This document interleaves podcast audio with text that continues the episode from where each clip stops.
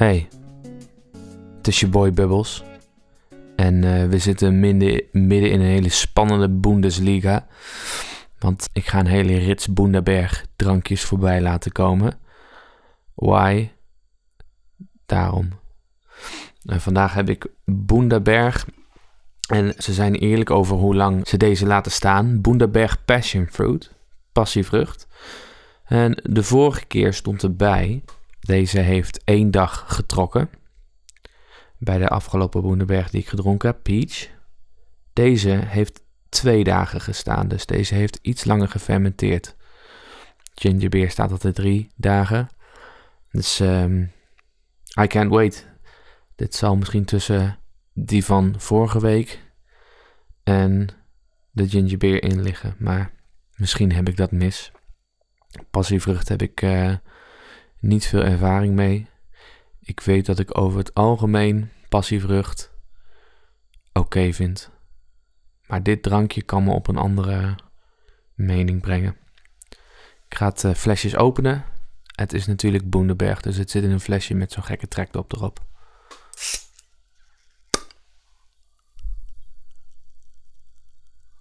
En met trekdop bedoel ik natuurlijk niet trekdrop.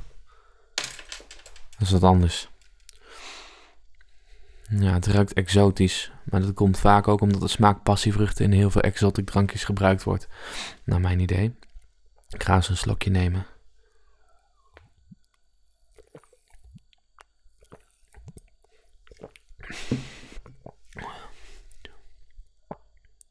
Ja.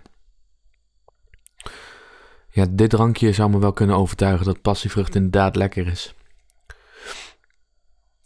Hij zit veel smaak aan. Ook weer uh, een wat diepere saturatie van de smaak. De smaak is wat voller aanwezig. En passievrucht, kinda like it. In dit geval erg lekker.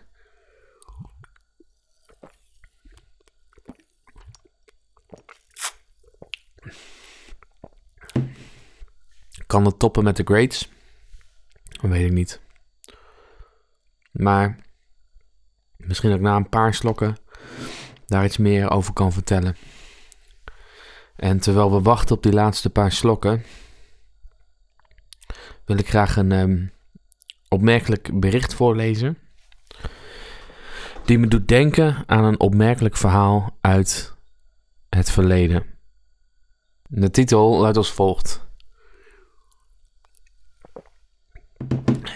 De Roemeense burgemeester wint verkiezingen twee weken na zijn overlijden.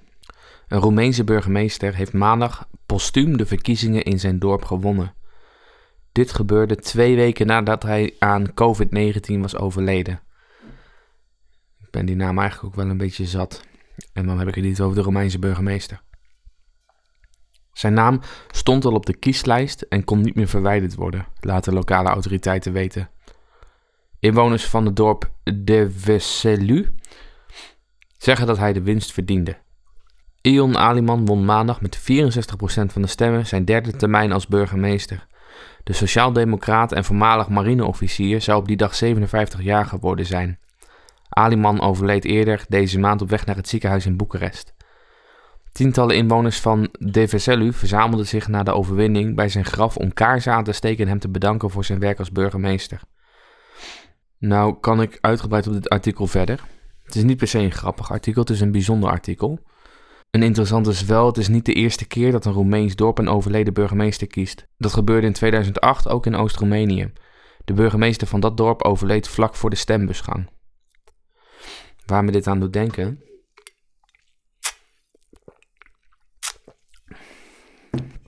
Is een verhaal uit de middeleeuwen. Jaar um, 897. De vroege middeleeuwen, misschien net voor de middeleeuwen. Zo'n sterke historicus ben ik nou ook weer niet. Maar daar is een verhaal, die staat bekend als de kadaversynode. En dat is een uh, in januari gehouden kerkelijk schijnproces. Waardoor Paulus Stefanus VI, en dan staat hij tussen haakjes de zevende, daar is wellicht iets over te zeggen. Het lijk van zijn een jaar eerder overleden voorganger Formosus liet opgraven. Hij liet het lichaam voorzien van pauselijke waarden op een troon neerzetten om het te veroordelen wegens mijneed.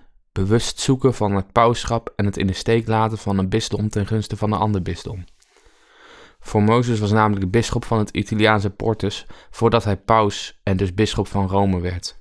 Dit was in strijd met de kerkelijke leerstellingen. Het bijzondere detail is dat Stefanus VI aan het begin van het proces zelf in overtreding was, daar hij notabene door Formosus was aangesteld als bisschop van Anagni.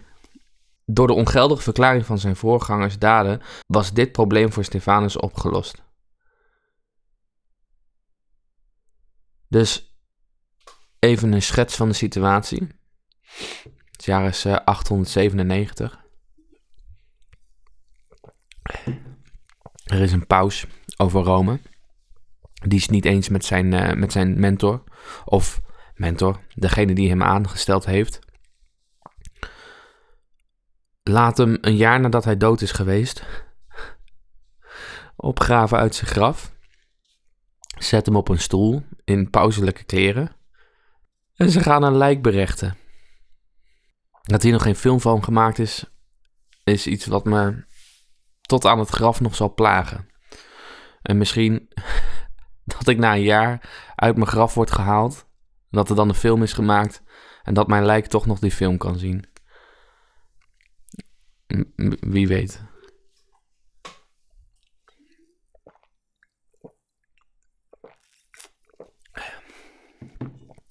Ondertussen geniet ik erg van dit drankje. Ik uh, vind dat jullie nog een haiku van mij uh, te goed hebben. Ik schrijf altijd twee regels van de haiku.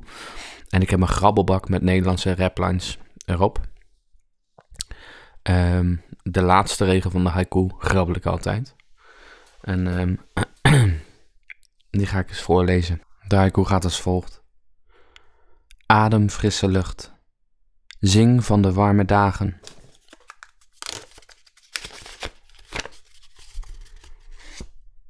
Ik sla mezelf voor het slapen gaan.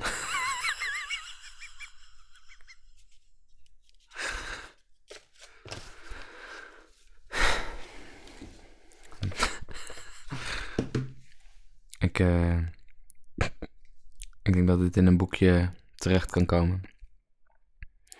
Adem frisse lucht. Zing van de warme dagen. Ik sla mezelf voor het slapen gaan.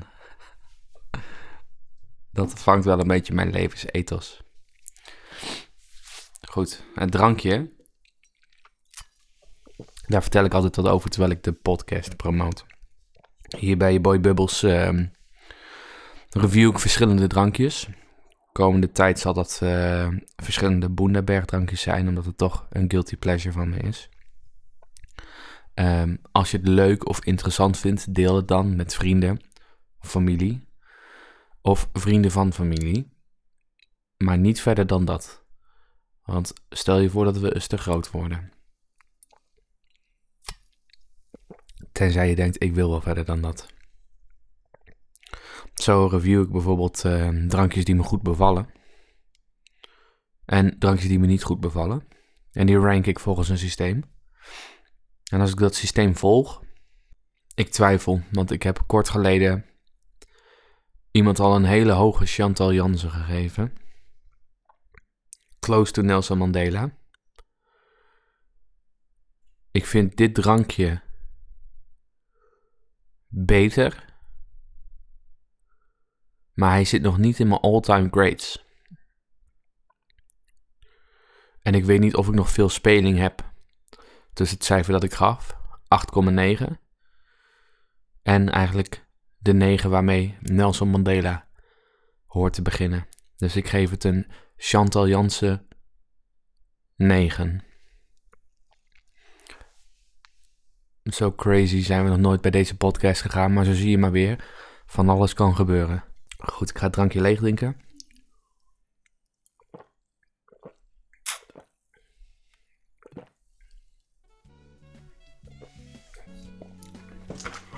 En dan tik ik tegen het flesje aan. En dan hoop ik dat ik jullie allemaal een volgende keer weer spreek.